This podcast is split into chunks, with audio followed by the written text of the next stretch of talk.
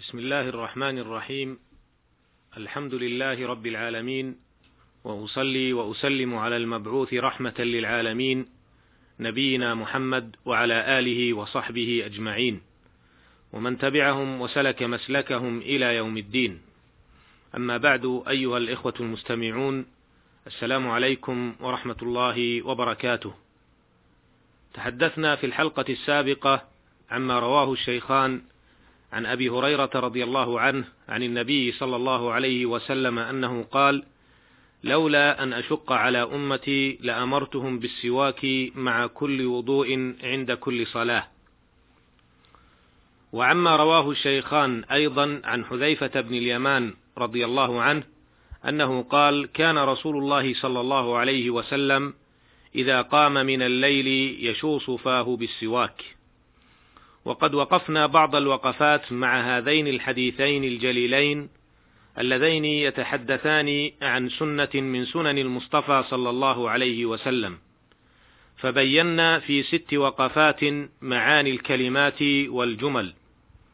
وبينا كذلك حكم السواك وأنه سنة مستحبة وفضل السواك وأوردنا بعض النصوص الدالة على فضله وعلى حكمه المتعددة.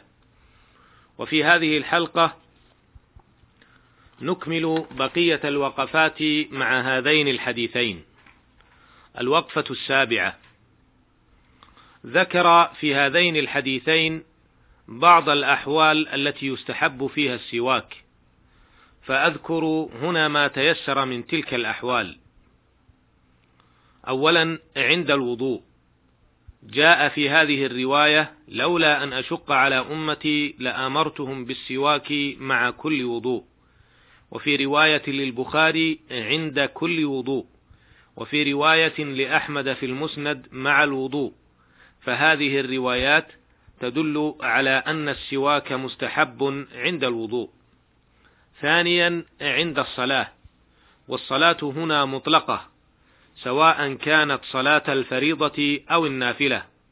يدل على ذلك قوله صلى الله عليه وسلم في الرواية المذكورة معنا عند كل صلاة وكل من ألفاظ العموم فيعم الاستحباب للسواك عند كل صلاة أيا كانت هذه الصلاة.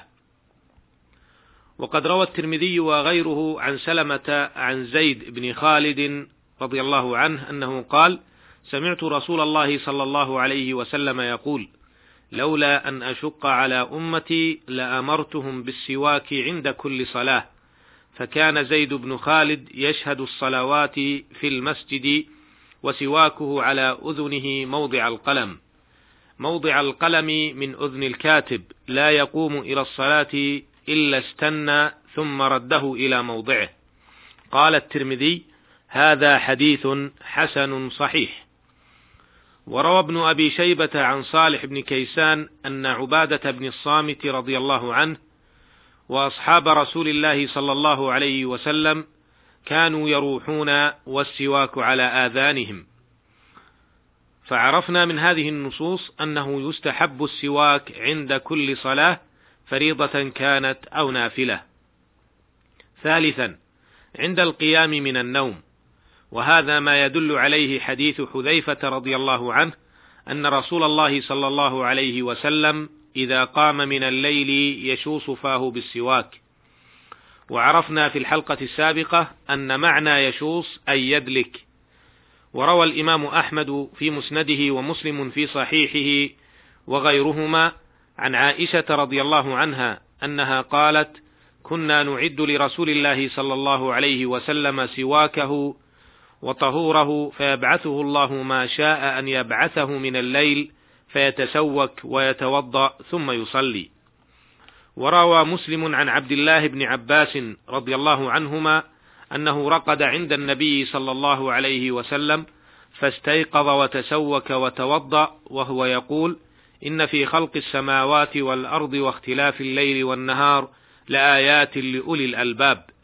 فقرأ هؤلاء الآيات حتى ختم السورة ثم قام فصلى ركعتين إلى آخر الحديث. رابعا عند تغير الفم فيستحب السواك عند تغيره سواء كان بسبب أكل سواء كان بسبب أكل ما له رائحة كريهة أو بسبب طول السكوت أو كثرة الكلام فالسواك مطهرة للفم. خامسا عند دخول المنزل روى الإمام أحمد في مسنده ومسلم في صحيحه وغيرهما عن المقدام بن شريح عن أبيه أنه قال: سألت عائشة رضي الله عنها قلت بأي شيء كان يبدأ النبي صلى الله عليه وسلم إذا دخل بيته؟ قالت بالسواك. سادسا ومما ذكره أهل العلم أيضا أنه يستحب السواك عند قراءة القرآن والحكمة في ذلك أن الملك يضع فاه على فم القارئ ويتأذى بالرائحة الكريهة فسن السواك لأجل ذلك. الوقفة الثامنة. مما يستفاد من حديث أبي هريرة رضي الله عنه قاعدة عظيمة.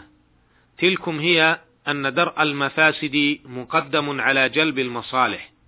ذلك أن الشارع الحكيم ترك فرض السواك على الأمة مع ما في هذا الفرض من الفوائد العظيمة والمصالح النافعة خشية أن يفرضه الله عليهم وبالتالي لا يستطيعون القيام به فيحصل إثم بترك هذا الواجب. وعليه فكل أمر لم ينص عليه الشارع الحكيم فتعمل فيه هذه القاعدة العظيمة فهي درس مفيد وحكمة جليلة يستفيد منها الدعاة إلى الله جل وعلا في أسلوب دعوتهم كما يستفيد منها الآمرون بالمعروف والناهون عن المنكر وهم يقومون بهذا الواجب العظيم.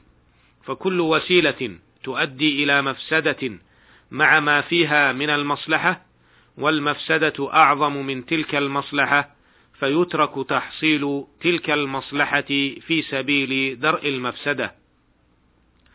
ومن أراد الاستزادة لدراسة هذه القاعدة نظريا أو تطبيقيا فليرجع إلى علماء الأمة ومشايخها ليستفيد منهم وليسألهم وليناقشهم وليقرأ بكتب أهل العلم وبخاصة كتب أصول الفقه وشروح الأحاديث. أسأل الله جل وعلا أن يرزقنا الفقه في دينه والتمسك بسنته والسير على منهاجه إنه سميع مجيب وهو المستعان وإلى اللقاء في الحلقة القادمة إن شاء الله. والسلام عليكم ورحمة الله وبركاته.